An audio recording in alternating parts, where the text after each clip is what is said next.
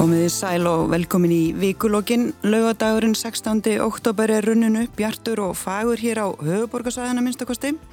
Við ætlum að ræða heilbreyðismál í þættinum í dag. Málaflokk sem kjósundur töldu hvað mikilvægast ann fyrir nýr afstæðanar alþingiskostningar og hvað mest var ábyrrandi í kostningabartunni. Nú sitja sömu þrýr flokkar við stjórnarmynduna viðræður og hafa haldið um stjórnatöymana síðustu fjögur árin, framsók, sjálfstæðisflokkur og Vafki, sem fór með ráðuneyti heilbriðismála. Stefna Vafki og Svandísa Svavastóttur heilbriðisráðura var að færa sem mest af heilbriðistjónustun undir hið ofinbera, en hefur verið gaggrínt fyrir langa bygglist eftir brínum aðgerðum á borðið liðskipta aðgerðir sem fyrirtæki engar ekstri gætu gert en sjúkratrýingar neytaði niðugreiða. Þá hefur umræðum ástandið á bráðamóttöku margóft blossað upp undanfærin ár og læknar og hjúkurnarfólki hefur, hjúkurnarfólk hefur líst yfir neyðar ástandi án þess að bröðust sé við með viðvönandi hætti. Síðasta neyðarkall barst fyrir þessari viku þar sem hjúkurnarfræðingar sendu frá sér neyðar óbút af öryggi sjúklinga og yfir kerðu starfsfólki. Fundað hefur verið með málefni spítalans á mörgum víkstöðum í vikunni síðast í gær. Það vakti aðtikli í aðdraðanda kostninga að sjálfstæðisflokkurinn reynda þó hendur sínar að þessari stefnu Vafki og hefur líst yfir áhuga á að fara með fórusti helbriðisráðuneytinu. Verið þannig að flokkarna þryggja er það ákveðin vísbending um stefnubreitingu hvað þetta varðar og vantanlega áherslubreitingar hvað varðar helbriðistjónustu stopnana í engarekstri. En hvað þýðir það fyrir notendur þjónustunar og hvað þýðir það fyrir veitendur þjónustunar og ríkið?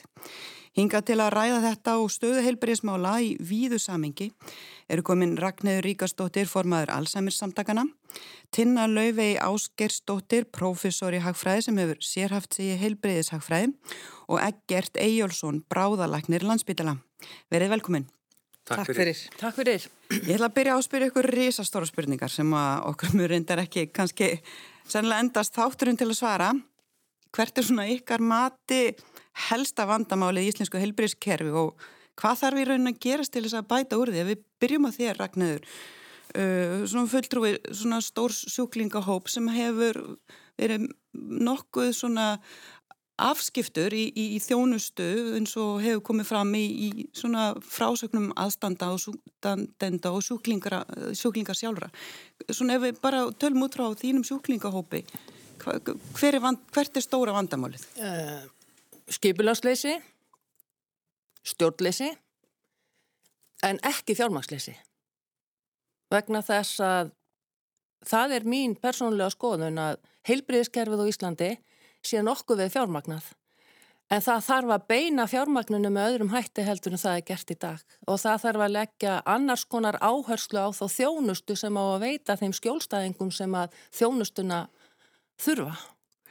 Og hvað var þar þann hóp sem að ég er í fósværi fyrir, Alzheimer samtökinn, þá er sá skjólstæðingahópur algjörlega á núli innan kervisins. Hann fellur á milli skips og bryggju ef við getum orðaða svo. Ef þú fær greiningu og þá skiptir engum máli hvað þú ert gamall og greinist sem með heilabilun, þá er eiginlega bara tekið í höndina þér og sagt þakka þið fyrir komuna og nú sér þú um þig sjálfur þar til þú ert svo illa haldinn að þú þart að fara þar sérhæfða þjónustu. Og þarna er verið að eigða fjármunum svo við tölum nú ekki um lífsgæði þeirra sem að greinast með heilabilum. Því að hægt er að halda utan að um þá sjúklinga með virkni, því að virkni er það eina sem að dugar gegn þessum sjúkdómi til þess að halda honum í skefjun og það er hægt að virka þetta fólk, minga álag og aðstandendur áður en að þessi skjólstæðinga verða að fara í það dýrasta úræði sem til er. Og þá ert að vísa til hjúgrunheimilina? Já, ég er að vísa til þess og þar að auki þá er, er hefur ekki verið hort til þess í uppbyggingu hjúkurnaheimila almennt hvað þjóðin er eldast. Það er heldur ekki hort til þess að inn á hjúkurnaheimilu þurfa hugsanlega að fara yngri einstaklingar sem að greindir er með heilabilun því að, að hún er líka hröð hjá þeim sem eru, eru yngri og eru greindir þar. Og það, þeir eiga ekki allir heima inn á hjúkurnarheimilum með fólki sem er á mínumaldri 72 og, og, og upp í nýrætt. Þeir eiga samkvæmt öllu og samkvæmt okkar skoðunum rétt á annars konar úrræði þó að það sé innan hjúkurnaheimila eða annara stopnunar sem að, að tekur við þeim og, og þeirra þörfum. Svona umræðanum hjúkurnaheimili tengist svolítið vandanum sem að bráðmóttakan hefur verið að glíma við og það meðal annars uh, það að þar liggja sjúklingar á, á göngum vegna þess að ekki hættir að koma öðrum sjúklingum og þeim inn á uh, legudeildir vegna þess að þær eru teftar vegna sjúklinga sem að sannarlega ættu að vera hjúkrunaheimilum. Þetta er svona, þetta er, hefur verið nefnt fráflæðisvandi en, en svona komin alls konar orði yfir þetta. Uh, hvernig stendur á því að, að það er ekki hægt að leysa þetta vandamál og, og er þetta stóra vandamál hjá ykkur og, og þeir eru búin að hrópa og hrópa, það er stöðugt ákall um, um aukna aðstóð og úrlausnir á þessum vanda þegar við líst yfir sko í rauninni neyðar ástandi uh, hversu mikið lengur getur þetta gengið? Marga spurningar í þessu en um, sko ég held að uh, getur þetta gengið lengur eins og það er núna? Nei E, stæsta vandamál heilbriðiskerfisins og ég er algjörlega sammála ragniði er að það er stjórnleysi og það er skipulagsleysi og síðan er það viljin til þess að breyta. Því að sko bara eins og það horfið við mér inn á landsbytalanum sko og, og ég vil kannski líka fá að ítrykka að, að við tölum mikið um vanda bráðamótugunar bráðamóttakan er ekki vandamál. Við sinnum bráðveikum slösuðum og gerum það rætt og vel en við komum fólki ekki frá okkur. Og það er ekki okkar vandamál, það er vandamál spítalans og kervisins í held um, en það er kannski inn á landsspítalanum að þá er, finnst manni oft eins og það séu að það er svona stjórnunarlega hugtökun svona eins og síló sem bara neyta að tala saman. Og við tölum mikið um sko slag, slagorð hérna landsbytalanins er, er við fyrir þig en sko þetta ætti frekar að eiginlega sko segja við fyrir okkur eða, eða sko við erum ekki sama á þið.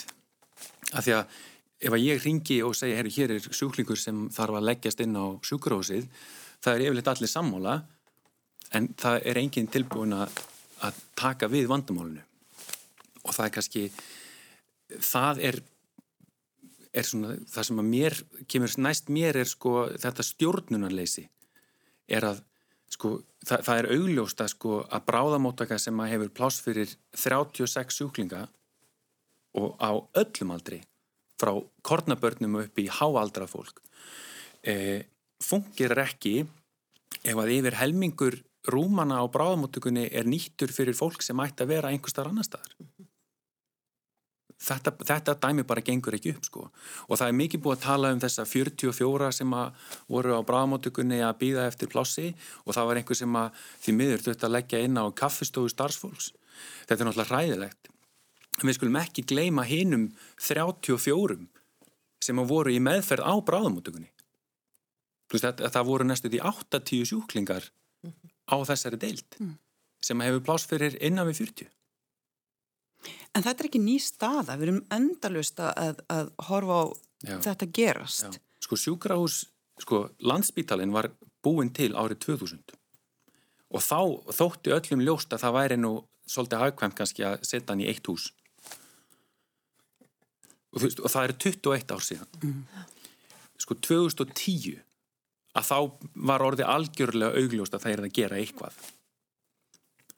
Og núna 2021 að þá sitjum við hér að tala um vandamál helbriðskerfisins og sko út frá landsbytalanum séð er það að sko stærsta vandamál landsbytalans fyrir utan sko stjórnleysi og, og allt það er að hann er í hundra byggingum mm -hmm. á við og dreif út um allt og, og við ætlum að leysa vandamálið með því að henda hva, hvað er það orðið, 70 miljardar í viðbyggingu sem er ennþá bara hóla og lítur ekki út fyrir að koma í, til starfa fyrir en kannski, kannski eftir sex ár mm. kannski mm. Sko þau, þau eru bæði hérna að tala, Ragnarður og ekkert um, um stjórnunavanda og ég get kannski sjálfur sér tekið undir þá. Þú talaður um í inganginum þínum, þessi, þessar, það eru sér eitthvað svona blíkur á lofti núna varandi hugsanlega breytingar e, e, ef að heilbriðsraðuneyti fer uh, yfir á annan stjórnmálaflokk og mér finnst þetta alltaf aðeins, sko, það trublar mjög í umræðinni varðandi til dæmis þessa breytinga sem fólki finnst liggja í loftinu ef að það verður breyting á hérna í heilbriðsraðuneytinu, hvað ráð þeirra varðar. Að þessi rosalega sterka umræða sem að ég átta mig ekki á hversu mikið seittlar inn í sko kerfið en svona ofanfrá um rekstrarformið. Og það, það er einhvern veginn umræðan er þannig sko svolítið lituð af pólitík mm -hmm. í miklu meira mæli heldur en þetta rekstraform skiptir raunverulega má, praktísku máli Þannig að mér finnst það aðeins óþægilegt sitjandu þeirri auðvitað forrýttindastöðu sem ég seti að vera í háskólanum og þurfu ekki að hugsa um þessa pólitík og mína kjósendur eða við, ég, bara, ég get bara mótiverast fullkomlega því að ég sé að reyna að skilja eitthvað og það er auðvitað allt önnu staðaheldur en maður er í kostningabarhatu og allt þetta.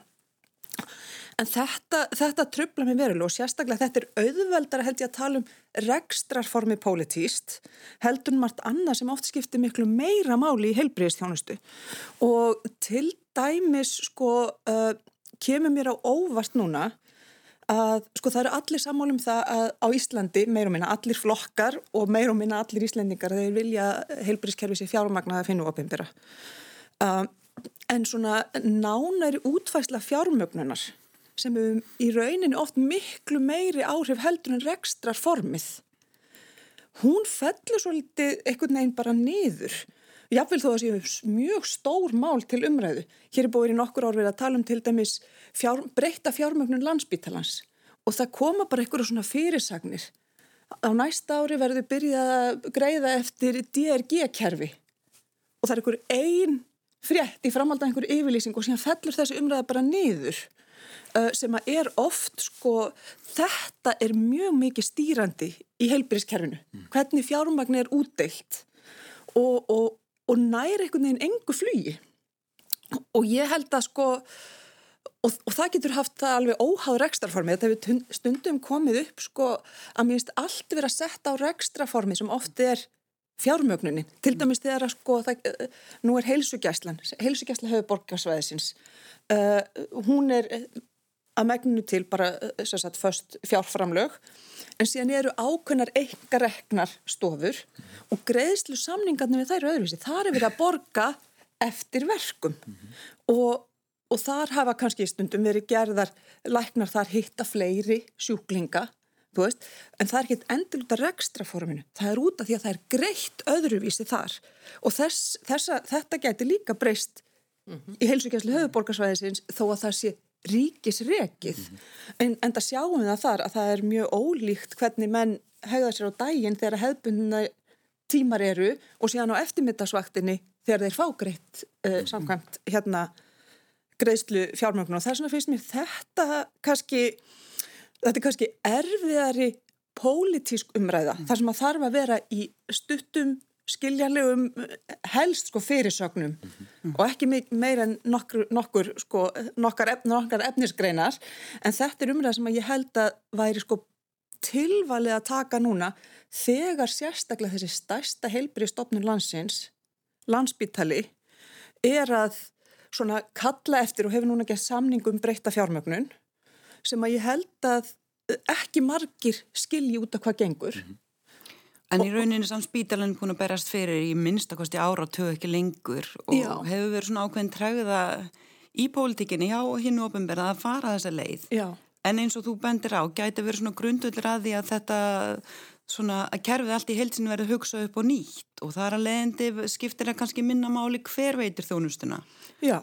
En, en síðan verð ég alveg að segja sko, ég menn sko, þetta, þetta DRG-kerfi þetta er notað mjög víða um, í hennum vestræni heimi. Þetta er í rauninni algengasta fjármögnunuleg spítala. Þannig að minnst ekki sem sé að óska eftir þessu En ég sem ætti að vera sko mjög vel heima í þessu og ætti að geta tilenga með mjög hratt þær upplýsingar sem eru að eh, telja koma frá landsbyttalum. Það er mjög margt sem ég skil ekki í svo ég held að það sé bara út af því að það eru mjög litlar upplýsingar um þetta. Mm. Ég til dæmis skil ekki sko ef að maður fer aðeins í söguna þegar að þetta kerfi kemur til, það er svona 40 ár síðan þá er það út af því og, og það er alltaf að tala um í, sko, uh, í umræðinni að nú er ég að fara að borga eftir því hvað er gert í raun og veru. Þetta kerfi í rauninni kemur til Erlendis út af því að það var verið að borga eftir því sem var gert en það var verið að borga eftir sko raunverlu verkunum. Sjúklingu var settur í þessa rannsó. Tjitsing, senda reikning. Sjúklingu var settur í aðra rannsó. Tjitsing, senda reikning og svo fram eftir götunum. Mm. En nú er verið að reyna og, og þetta var mjög hættulegt kerfi að því að það var allt og mikið gert að því að heilbyrjastofnunni fengur bara greitt, greitt fyrir allt sem það gerði. Þannig að þá var ákveðið að búa til þetta DRG sem stendur fyrir Diagnosis Related Group sem er, heyrðu, förum bara eftir greiningunni sem sjúklingurum fær. Ekki hvað, lækning getur ekki gert og heilbjörnstofnan er ekki gert hvað sem er. Mm -hmm. Það bara kemur inn sjúklingur með lúnabólgu. Við borgum eitthvað ákveðið fyrir það að koma einstaklingi með lúnabólgu til heilsu. Mm -hmm. Og þá, þú færð ekkert meira að þú gerir ennþá fleiri rannsóknir. Þannig að þetta var í rauninni leið til þess að draga úr of miklum kostnaði og þetta er ekki vandamál núna á landsbítalan. Að landsbítalinn sé að rukka fyrir endalust að rannsóknum og öllu sem þið gera þannig að þetta kerfi kemur til til að leysa vandamál í rauninni upphálega sem er ekki alveg til staðar á Íslandi. En það er mjög mikill áhuga að fá inn þetta kerfi og það getur vel verið að það sé mjög skynsalegt sko.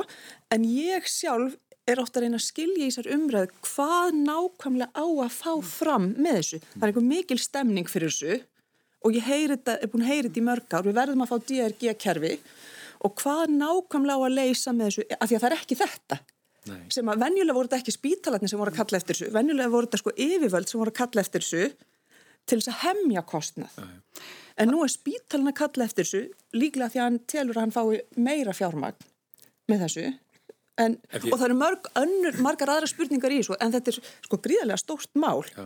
sem bara, en síðan er bara eitthvað rekstrarform á einhverju einni sko einingu sem að getur tekið mikið rými í umræðinni sko. mm -hmm, mm -hmm. Ég held að, ef maður bara aðeins kom inn á þetta að ég held að sko það sem að landsbytalinn kannski er að kalla eftir að hann sé ekki alltaf á föstum fjárlugum þannig að, að það sé, að því að nú bara eins og til dæmis í COVID og veist, veist, eins og ef það gerast svona, koma einhver svona, svona hamfarir upp mm -hmm. að stopnunum sé ekki að vinna úr því veist, svona, rekstrarlega í mörg ára og eftir að, að, að komast í gegnum þann hjalla. En, en sko ég sem svona bara starfsmæður á plani mér, ég, ég fagnaði sko þegar ég sá að þetta ætti að koma inn að því ég hugsa með mér, já það var alltaf að breyta einhverju. Já, og það er kannski það sem að fólk hlakkar í fólki er að það sé að fólk sé að það, að það á að breyta eitthvað. Og ég held að þetta sé sko gagleg umræða að taka, ég, þú veist, en, en, en það er mjög margt sem er mjög sko flókið í þessu mm. og flókið til dæmis á Íslandi, sko, nú er ég hrættum að ég sé að fara í einhverja völdnin mín, hérna, kennslukonu stellingarnar, en, en hérna, en sko tilfellið er að þetta er líka rosalega erfitt að vera með svona kerfi á Íslandi, að því að ég skil ekki hvernig á að veist, verðleggja hvern og einn flokk, mm. hvað á að borga fyrir lúnabólkuna og að það er mjög erfitt að því að þú ert að reyna að komast með þessu kerfi venjulega, reyna að komast út úr því annarkvæmst að það sé að sendu reikningu fyrir allt sko, mm. eða að þetta sé bara byggt á einhverjum sögulegum kostnaði við bara borgum fyrir lúnabólka sem að borga fyrir hann í fyrra og hitti fyrra og eitthvað og þá eru þeir sem hafa alltaf verið dýrir í kerfinu, þeir halda bara áfram að vera dýrir og þeir sem hafa alltaf verið hagkvæmir halda bara áfram að vera hagkvæmir sko. en það sem þetta er, sko, þetta er svolítið Þetta er að mörguleiti margt svona svolítið sniðugt í þessu hverfi hvernig það gerist Erlendis. En það eru svo margi spítala, sko í Þískalandi mm. það eru 2000 og eitthvað stopnarnir sem skilgrunir sér sem sjúkurhús og þá getur bara fundi verð út frá þetta er næstu bara sko, meðalverð fyrir það skiptum mjöðun ja. og það er bara verðið sem er greitt. Þá, þá ertu laus frá sem sögulega kostnæð og það sem gerist líka sem er svolítið sniðugt þar sem er, maður næri ekki fram með svo Íslandi er að þá fara þeir sem geta skiptum mjöðun ódýrar heldur en meðalverðið er. Mjadmaskiptin fara svolítið þangað. Og en, aðri spítala fara að gera eitthvað annað sko. En er það ekki, er það ekki kannski svona pínlítu grunnurinn af því sem að þeim stóra vanda sem að er í heilbríðiskerfinu það er að menn ákváðu að allt ætti að sógast á landsbytalan mm -hmm. Og það er engin samkeppni Nei. og þetta orð má nú ekki nota í heilbríðiskerfanum geirinum, mm -hmm. það er engin samkeppni um fólk ef að, við, ef að borgarspítalanum hefði verið haldið í því formi sem að hann var mm. landsbítalinn sjúkrahúsin hér í kringum kragan tala nú ekki um hérna sjúkrahúsið og Akureyri, sjúkrahúsið og Ísafyrði ef að við hefðum þessi sjúkrahús öll þannig að þau gætu kæftum fólk mm. og það væri hægt að sinna ákveðnum aðgerðum vitt og breytt um landið en ekki að allt sogaðist hér á ringbröðina mm -hmm. og inn í fosfók mm -hmm. undir einum og sama hattinum. Þetta kerfi getur ekki verið holdt neinum og nú er ég ekki að tala um sem fyrir um pólitíkus og þingmaður sjálfstæðisflóksis heldur bara sem, sem venjuleg manneska að það að, ein, að, að þetta sé allt á einni hendi á einu svæði það, það getur engum verið holdt allra síst þeim sem að þurfa á þjónustuna halda og líka þeim sem að þar vinna. Og kannski af því að við erum að tala um DRG þá væri nú líka kannski daldi spennandi að maður velti fyrir sér er hægt að minga stjórnunarkostnað á landsbytalanum mm -hmm. auka þátt þeirra sem eru í græsrótinni á plani eins og þú sagðir mhm. ekkert mm -hmm. borga þeim sem að þar eru hærri laun þannig að þeir vinni á plani í þjónustu við þá sem að þurfa á þjónustun að halda mhm. en það sé ekki og fyrirgefið í næstu setningu hver silki húan upp af annari með eitthvað stjóra nafn til þess að fólk fái hærra greitt fyrir vinnuna sína. Já. Ég held að þetta ætti líka að vera eitthvað sem að öll sjúkrahús og, og bara heilberiðiskerfið í heilsinni þýrstu nú pínlítið að fást við. Já, mér lákar aðeins að koma inn á þetta hvað, þú veist, varandi fjölda þjónustu veitenda mm. sem er náttúrulega bara líka annað sem er eins og ég var að segja það er svo margt erfitt við DRG í þessu litla kerfi og það er líka bara erfitt í þessu litla kerfi að því að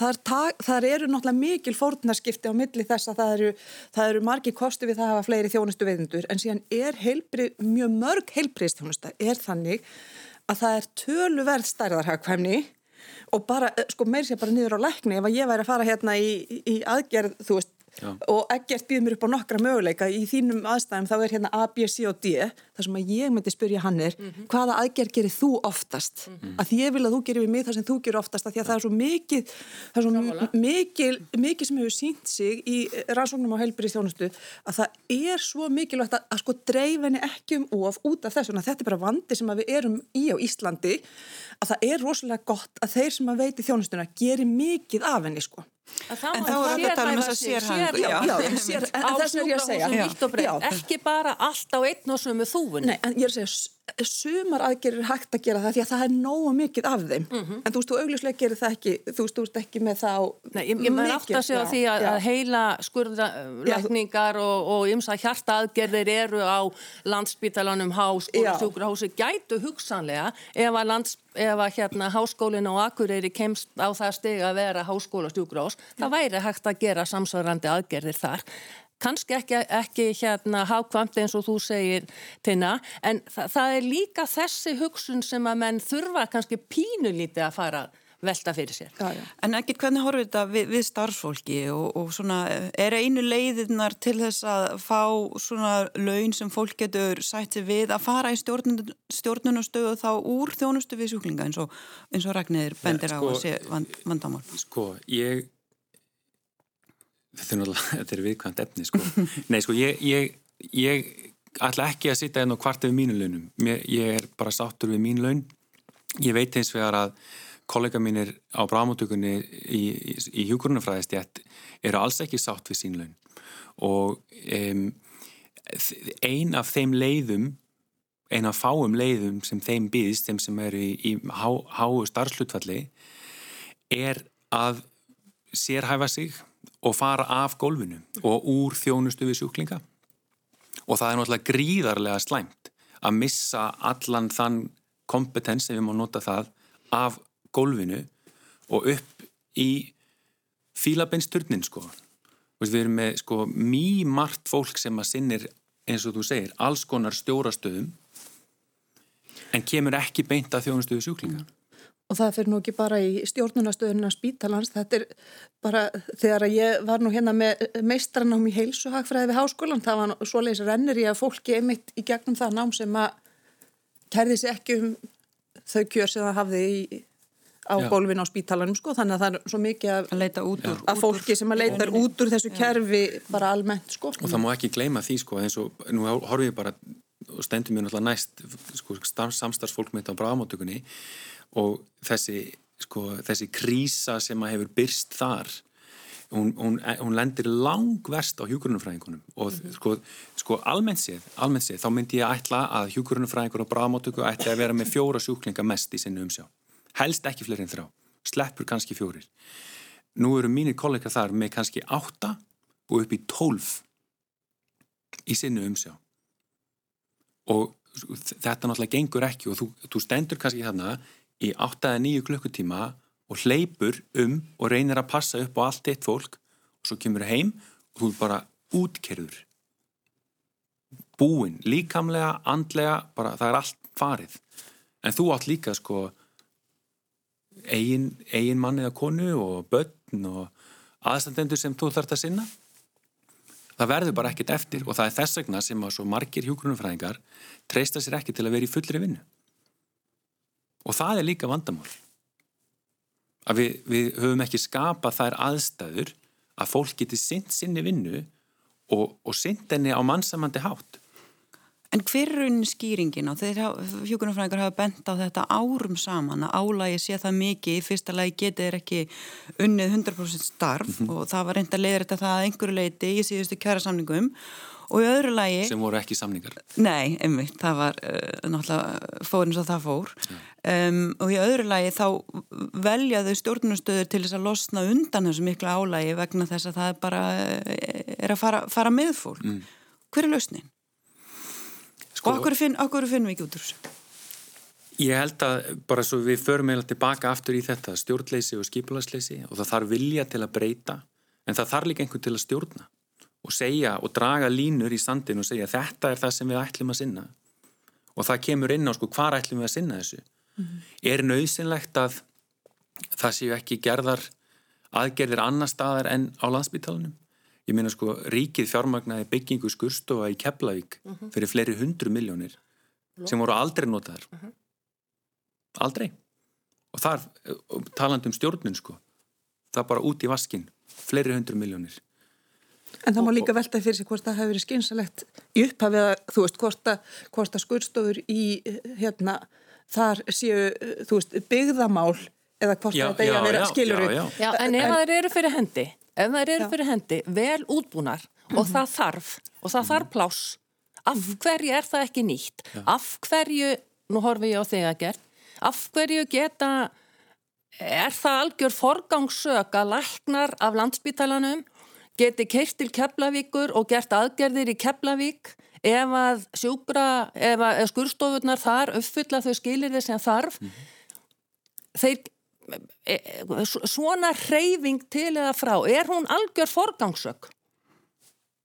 Eða, eða spurning en snýst þetta kannski sko, ég held um að það hafi náttúrulega oft verið líka fyrir eitthvað sérkennlegt þegar að sko í staðin fyrir að hérna sjúklingur færi á blikkandi ljósum til Reykjavíkur þá er ringt í lækni og hann, þú veist, vaknar og tampastur og keirir, já. þú veist, undir hámarsæða til Keflavíkur mm. til að gera aðgerina það, sko. Já. Þannig að ég held að það hefur verið margt í þessu fyrirkomulegi sem að var eh, ekkert endilega ídealt, sko. Ég, ég skildi þessa breytingu mjög vel þegar að hún var að gera, þetta, þetta var sérkennlegt kannski upphafinn, en þá var bara, þú veist, af hverju spyr ég mig líka, af hverju voru þær byggðar hérna, þetta er náttúrulega gríðarlega sko dýrt að búa til svona skurstofur.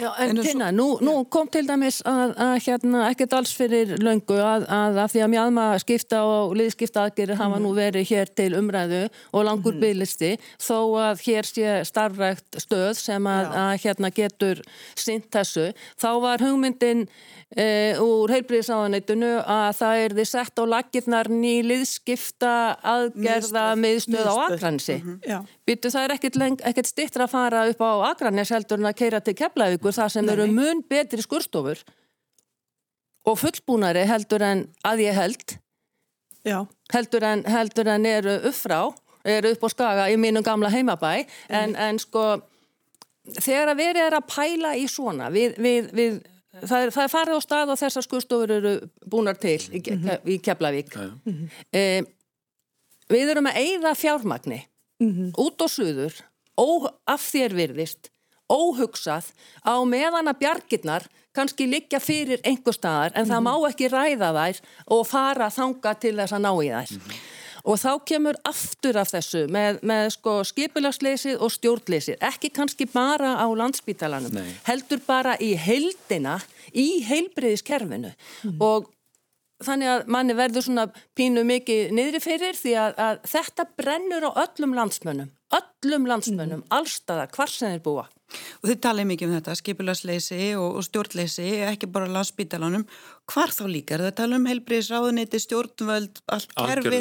Hvernig myndu vilja sjá þessu breytt? He heilbriðis, heilbriðis, ég ætla bara að fá pínu að fá að taka þetta, sko, að þú veist, he heilbriðisráðunitið, fjármálaráðunitið, forsættisráðunitið, þetta er fólki sem held, og félagsmálaráðunitið, mm -hmm. því þetta er fólki sem heldur á þessum bolta. Og sko, það er búið að fengt að setja einhver staðar upp í einhverju ráðuniti og þykjast ráða öllu og svo þegar kemur fólk og byrður um hjálp og svarið er bara að finna út úr því. Og þar, þar kemur ekkert til dæmis að þeim sjúklingahópi sem að á heima undir Alzheimer samtökunum þeir eiga heima bæði undir heilbriðiskerfinu og félagsmála ráð þegar heilbriðisáður og félagsmála ráð þeirra. Þessi tvö ráðuniti af hverju í veröldinni tala þau ekki saman um það með hvaða hætti þessi tvö ráðuneyti pluss þá fjármálaráðuneyti geti nýtt fjármagnu betur til þess að virka einstaklinga sem eru veikir með einu með öðrum hætti til þess að nýta sér þær bjargir sem fyrir er í kerfinu en ekki alltaf dýrasta úrræði sem er heilbriðiskerfið. Mm -hmm. Og svo bætist inn í þetta er, er svona, uh, svona svona skipt verksvið á milli sveitarfélagana og ríkisins í þjónustu við þennan sjúklingahóp til að mynda? Já, ég minna sveitarfélagin sjá um félagsþjónustuna um, sjúklingahópunum skjólstæðingar allsamir samtakana þeir, þeir fá geinu svonni liðveistlu frá sveitarfélagunum vegna þess að það er einhvern veginn allt óskil grein og þá kemur aftur sko þessi kerfi og ég held að það sé eitt af þessu stjórnleysi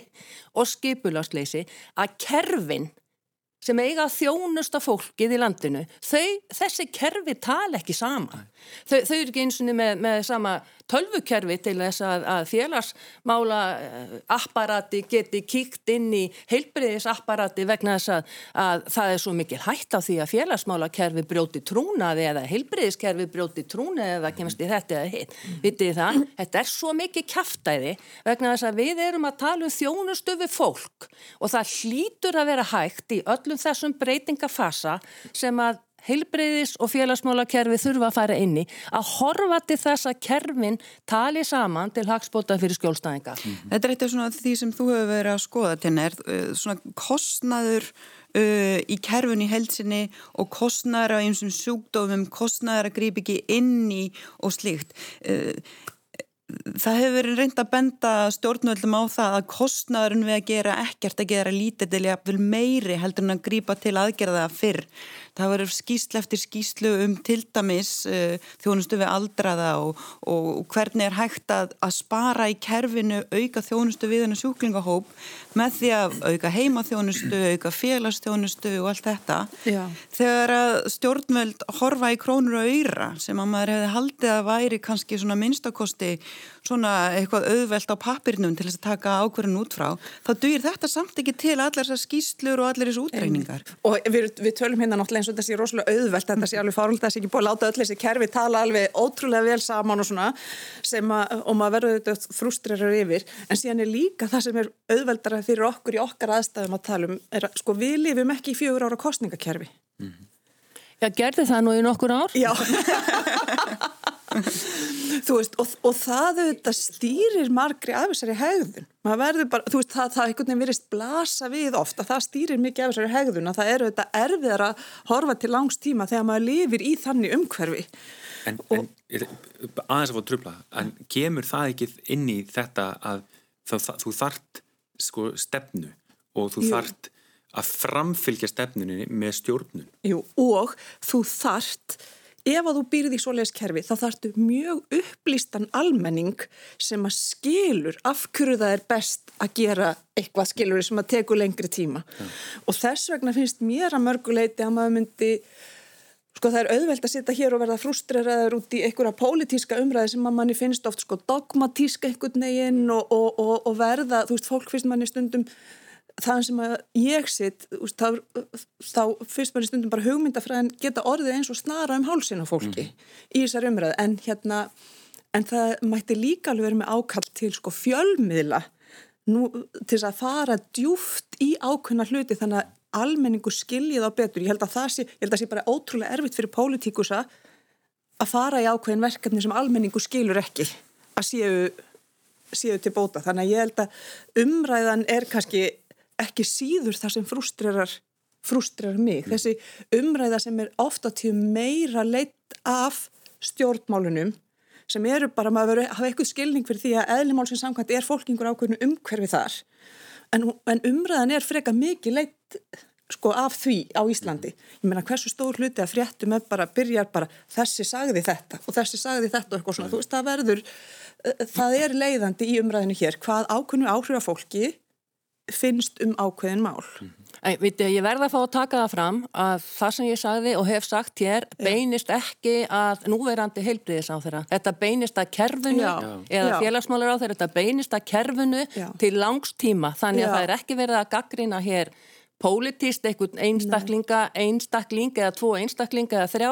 Það er bara, ég er að tala Já. hér um kerfið í heilsinni og þá er mér bara slett sama hvaða ráð þeirra hefur setið mm. í þessum hérna ráðunitum vegna þess að þeir bera allir jafn mikla ábyrð á því ástandi sem að við blasir í dag. Já. Og fyrst maður er með svona, hérna, svona yfirlýsingar, þá, þá vil ég vera líka með þú veist að það sem að ég er náttúrulega, mér verður tíðrættum, er hvernig fjármögnunin stýrir þjónustunni mm -hmm. og það er líka rosalega viðkvæm umræða að því að það verða, fólk verður voðalega viðkvæmt fyrir því, þú veist, til dæmis eh, heilbæristarsfólk býtu eftir að segja ef að ég fái borgað öðruvísi þá þjónustu ég hérna sjúklinga mína öðruvísi en bara gögnin sína að það er, það er þannig og þetta er þetta fólk, þetta er ekki, þetta er ekki önnur dýrategun heldur um við hinn sem að starfa innan þessa kervis og það eru bara gríðarlega áhrif sem það hefur. Og mér finnst sko, ég var að tala á þann um hversu oft það er svo mikið talað um sko rekstra fyrirkomulæð en fjármögninni stýrir svo miklu og eitt besta dæmi um það finnst mér vera, eða minnst það svona svolítið skýrt dæmi, það var svona svolítið hérna áhugaverðir ansók sem var nú leitt af Unu Jónsdóttur Hagfræðing hérna áður fyrr mm -hmm. um það sem var á tímabila, því að nú er verið að tala svo mikið um fjármögnin landsbítalans, á tímabili var hluti af verkum einan landsbítalans sem voru kallið svo kallið ferliverk, ferliverkasamningar, þar sem læknar fengu greitt eftir ákunum aðgerðum sem þið gerðu. Síðan var þetta felt úr gildi og þá bara fluttust þetta þá sko hérna fluttust þessar hérna það var mikið magaspeiklani, berkjusspeiklani ákveðnar aðgerðir bara á engastofur mm -hmm. og aukningin á engastofum á þessu þegar það var beitt bara fjármögnin á landsbyttalunum var að þetta jógst um 185% held ég mm -hmm. á engastofum mm -hmm. og snar mingað innan spítalans Þannig að, þannig að þetta segi ekki til að segja á þú veist, þeir bara eru hérna einhvern veginn að maka krókinu eða eitthvað, þannig að það, ég vil vera með sama sko, svo ég sletti disclaimer og, og þú varst með um, um, um þá hvata sem liggja baki því sem ég er að segja, en ég bara, maður bara sér þetta í gögnunum að þetta breytir mjög miklu og þetta er, og þetta er stjórntæki sem er mjög lítirætt Mm -hmm. og ég bara, ef það væri mín eini skilaboð út úr þessum þætti þá væri það sérstaklega núna þegar við erum að tala um þessa, gríð, þessa, þessa stóru breytingu hjá stæstu heilbyrji stopnun landsins mm -hmm að við setjum aðeins til hlýðar þess að endalus umræðum bara rekst, ekki setjum hann til hlýðar, mm -hmm. en að hún yfirtæki ekki allt þessi umræðum um rekstraformið, Já. heldur við tölum líka um hvernig við stýrum þjónustunni með þessum hætti. Já, og hvaða þjónustu á að veita á hvaða stað. Á hvaða stað og, og hvernig beinum henni og, og, á rétta staði. Meina, það sem að ég held sko starfand á landsbytalanum og verandi háskólu og sjúkrahús, að þá, þá á það að vera þannig að flóknustu tilfellin mm -hmm. eiga heima inn á háskólu og sjúkrahúsi og það er, þú veist, fjölveikt fólk með mjög sko, fjölþættan og alvarlegan vanda sem þarf sérhæða þjónustu. Þa, það er vandamáli sem á heima mm -hmm. á landsbyttalunum. Fólk sem er með einfaldari vandamál, mm -hmm. bara nú til að nefna eitthvað, botlangabólgu eða, eða með gallstein sem að þarf að losa gallblurun úr. Veist, þetta er í, sko, ekki alltaf, en í flestum tilföllum er þetta þjónusta sem er hægt að veita annar staðar en inn á háskólusjúkrósi. Mm. Og hvern hún er veitt fer svo gríðarlega eftir þjónusinu. Þú veist, er, það er ekki hægt að tala um þetta með einhverjum, það er ekki hægt að mála alltaf með stóra penslinum að þú veist, að, að því að heilbristjónust er svo gríðarlega fjölbreytt mm. og sumt er sko hérna Ég sá fyrirsögnir um daginn held ég ykkur úr bladi þar sem var eitthvað, sko, heilbyrðistjónusta er ekki hefðbundin hilluvara eða eitthvað slikt sko, sem er alveg rétt. Uh, en mismunandi heilbyrðistjónusta er mjög mislangt frá því. Það að fara í leysir aðgerð til þess að losna við glerun sín mm -hmm. er mjög ólíkt því að fara og láta, þú veist, græði sér nýtt nýra. Já. Þetta er alveg gjör ólíkt þjónusta og þannig að þetta er ekki alltaf, það er ekki alltaf svona hugmyndar, oft er þetta bara úrlösnaratri og sko það er breytilegt eftir aðstæðum hvaða fyrirkomulega er best hverju sinni. Já. Þannig að það er ekki að eitt sé alltaf best út frá, sko þetta, þetta minnir mig aðeins á eitt skemmtilegasta dæmi sem mér fannst um svona hugmyndafræði hvað hún stýrir umræðinni var einhvern veginn þegar ég var, og þetta satt svo í mér að ég var að keira svo langa leið og þá voru, þá voru tveir stjórnmálamenn að tala í hérna í útvarpinu og þá var umræðan sko um hérna um uh, sigurskatt á, á góstriki og sem að fólk getur út frá hugmyndu frá hefst mjög ólíkar, ólíka afstöð til hvort það er að gera, hvort það er að vera með slíka neyslu en ég var að keira hér í gegnum allan bæin og alla þá leið var umræðan á milli þeirra var í rauninni ekki um hvort að það ætti að gera þetta ekki heldur hvort að hegðun fólks myndi breytast. Mm -hmm. þetta er uppflettið þetta Mm. Þú veist, það er búið, búið að rannsaka þetta svo oft. Þetta er ekki, það er ekki út frá pólitískri hugmyndafræði hvort hegðum fólks breytist eða hversu mikið hún breytist. Það er bara, e, vörutegundir, það er búið að mæla endalust hversu mikið breytist hegðum fólks þú breyti verði á, þú veist, þessari vöruði hinnu voru. Það er svo, svo sannlega endalust að rannsókn sem að, sko, hafa reiknað þetta. Þannig að það er, ekki, að það er oft líka bara hreinlega staðreindir sem að verða pólitískar. Mm -hmm ekki bara hvað þú gerir eftir allir orðinni sammála um staðrindinar. Eins og við aðeins farið eh, svona lauslega yfir þá svona þess að aðgerðir meðmaskipta aðgerðir voru nú svona í mikið í umræðinu núna undanfarin eh, misseri þegar að þessi ákverðun um að, að leifa ekki niðurgrausla á aðgerðum af þessu tægi hér á landi um, en fólk var sendt til útlanda. Mm. Það sáu það allir að það var ekki skinsamleg ráðstöfum ofinbærs fjármaks mm. að greiða markvallt meira fyrir aðgerðir gerðar erlendis heldur en hér fyrir utan hvað var mikið óhagræði fyrir súklinga og aðstandendu. Mm. Þetta voru fannsmanni flestir sammála um samt var þess ekki breytt. Þú talar um því að nöðsynlegt að um, svona landsmenn séu upplýstir og, og svona takið þátt í umræðinu en þannig er dæmi um uh, ákverðun sem að engum finnst en þú veist réttlætanlega make a sense og maður svona sletti. Hvern, hvernig gerist svona að þessar ákverðun verður teknar þvert á að manni finnst vilja almennings og þvert á skinsamar ástöðun fjármaks Vilt þú taka þetta? Ég sé alveg hún í þar í skinninu Þetta er svona þarna er svona gangandi dæmi um kjarkleysi ekki bara sko 2013 til 16 var heilbriðisráð þeirra sjálfstæðismæður, góður vinuminn Kristján Þóri Júliusson. Hann hafði alveg tækifæri til þess að fara inn í klínikina og, og leifa og gera þessa heimild. E, Svandi Svavastóttir hefur líka haft það tækifæri og þó það sé ekki annað heldur hann að huga að hag skjólstæðingana og hugsa það að það sé hægt að gera samning við klínikina um að á meðan að þessi löngu bygglistar eru þá taki þið svo og svo margar aðgerðir og sinni þeim.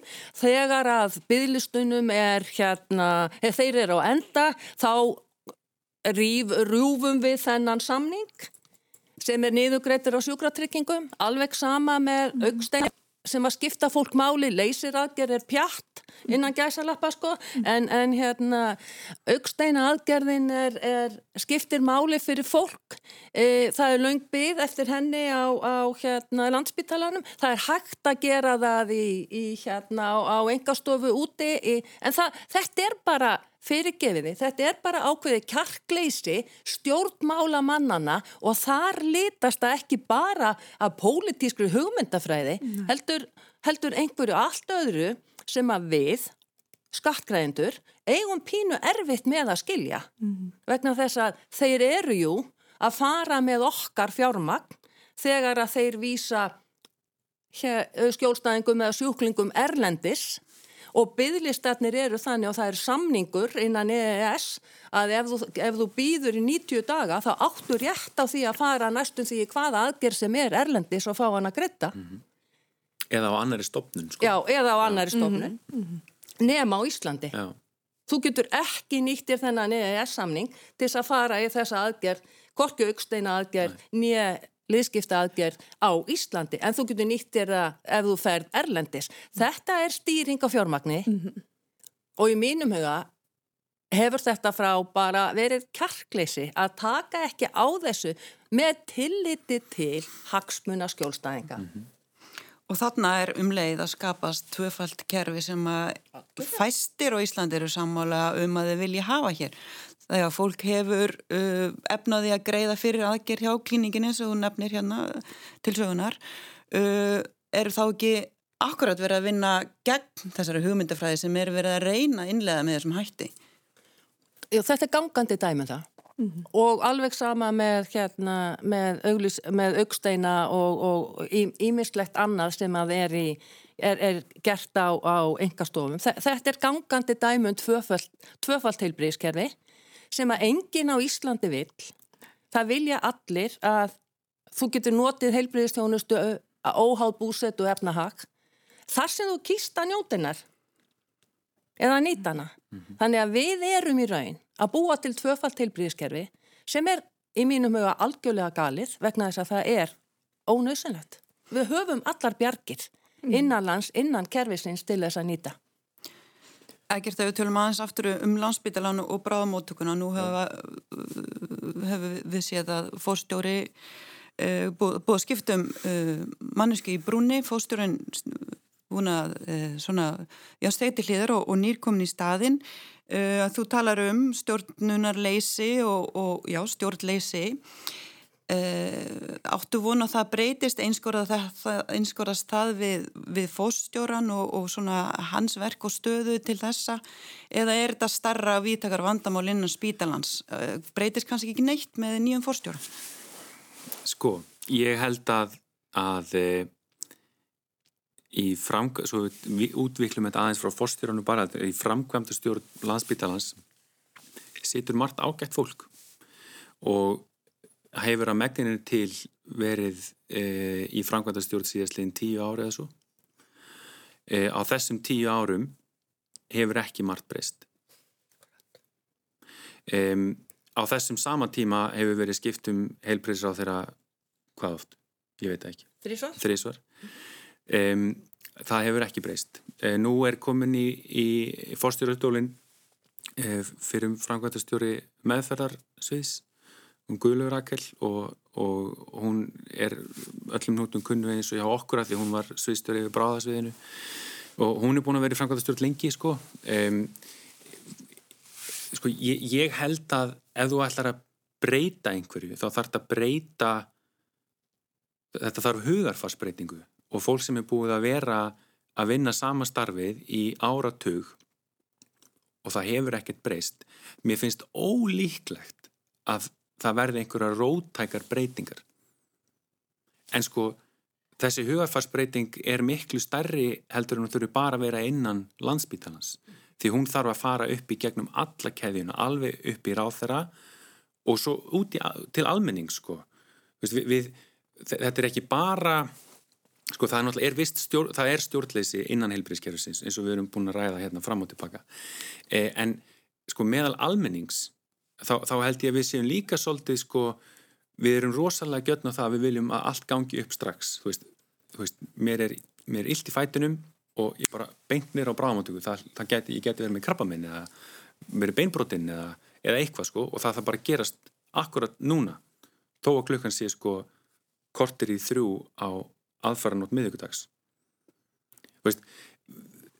hlutir meg að býða en, en þeir mig heldur ekki býða of lengi. Veist, það er algjörlega ófullnægandi að sjúklingar býði í 2, 3, 4 ár eftir að, eftir að auðlast sko lífskeiði aftur af því að það vantar mjöðum, mjöðum það, það, er, það er algjörlega út í hött.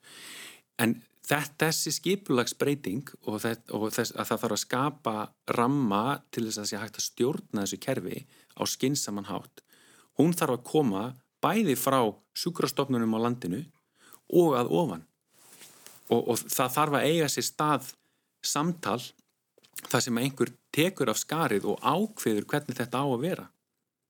Og við, okkur hefur reynsta vel í þessu þessu COVID ástandi sem hefur verið hérna undan, undanfarnar mánuði að hlusta á fagfólk og, og, og fara eftir sko tillögum fagfólks. Og það hefur bara gengið nokkuð vel. En síðan sko núna að þá, að þá erum við komin eða á hinn endan sko þar sem að fagfólkið hefur svo miklar áhyggjur af getu sko sjúkrastofnunar að taka við sjú, nokkrum sjúklingum mm -hmm. að að það á kannski að viðhalda hérna samkominntakmörkunum í lengri tíma sko, þá spyrir maður sér sko af hverju, af hverju erum við þar að, að landsbítalinn sem að sko á að heita sjúkrahús þjóðarinnar sko getur ekki sko, ef það er faraldur að sjálfsögðu þá sko sjúkrastofnunir verða sko yfirkerðar mm -hmm. en, en sko nú erum við ekkert Sko, COVID er eiginlega ekkert vandamál í heilbyrðiskerfunu akkurat núna, sko.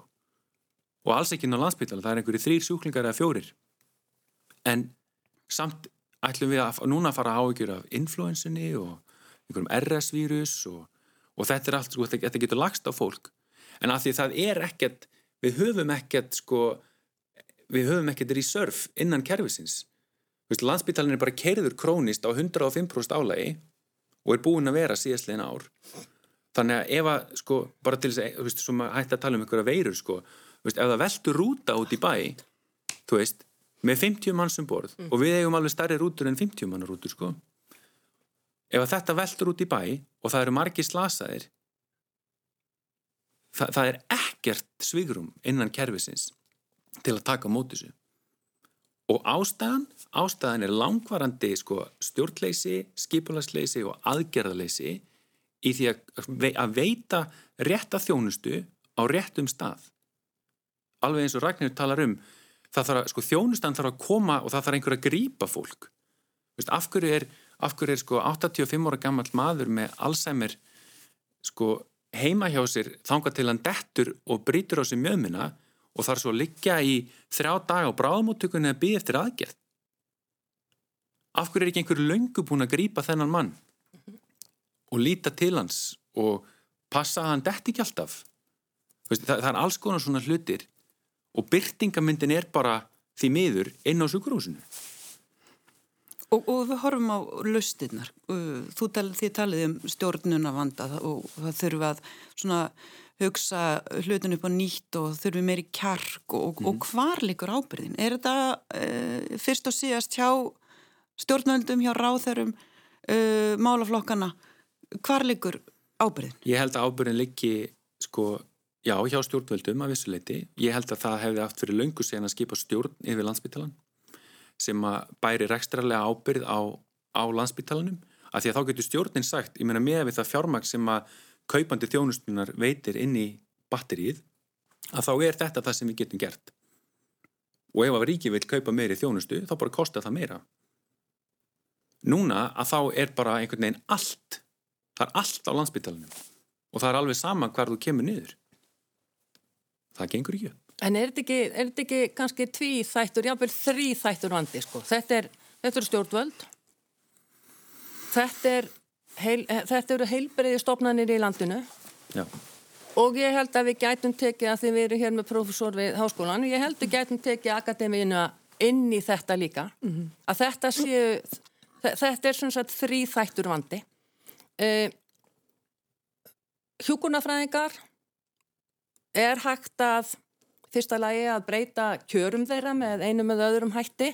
Til dæmis með því að semja við þeir? Já og, og, já, og í öðru lagi getur háskólinn e, fjölga þeim aðilum sem að eru innan heilbriðis eða hjókunarfræðingum, ljósmæðurum, sjúkraþjálfurum og, og því að þess áttar það, það er Það er þeirra verkefni að horfast í aug við það. Stjórnvöld þurfum að velta fyrir sér hvers konar kerfi þeir við, þeir vilja hafa hér á þessu landi. Við viljum hafa heilbriðiskerfi og félagsmálakerfi, óháð búsettu og efnahag. Hvernig ætla þeir að verða við þeim óskum uh, þjóðarinnar og, í, í, og svo er það spítalinn. Spítalarnir heilbriðiskerfi út um alland. Hvernig ætli þið að koma að þessu verkefni? Og varðandi sko hérna framlag háskólana þá finnst mér líka að skipta þar máli. Jú, eitt er að uh, sko búa til starfsfólk en hitt hlutverk háskólana eru þetta að búa til þekkingu mm -hmm. og hvernig, hvernig er hægt ekki bara búa til þekkingu hvernig, hvernig veitir maður þekkingunni inn í kerfið mm -hmm. af því að það er eitthvað sem að mér finnst svona uh, oft í mínu umhverfi mm. að það vant vantar einhverjar, brautir til þess að ekki bæði almennar upplýsingar og einmitt kannski best upplýsingarnar fara inn í kerfi. Núna við náttúrulega byrtum okkar uh, þá þekkingu sem við sköpum helst í uh, vísindagreinum og mér finnst það sem að ég geri sem er best, mm. það fer í sko erlendtímarit mm. sem að enginn á Íslandi les en það sem ég geri sem er kannski síst það er kannski skrifað á íslensku endari fyrir íslenska lesendur þannig að það er mjög erfitt að veita stundum bestu þekkingunni sem fyrir gegnum þrengstu nálarögun mm. inn í kerfi sjálft. Og hvernig breytir þið því? Já það þarf að búa til einhvern kanal sko. Mm. Já. Einmitt. En uh, mér getur þykir leitt að segja að við hefum ekki alveg leist þennan vanda þegar, í þessum, þessum klukkutíma sem við hefum haft en við sannlega gert okkar besta.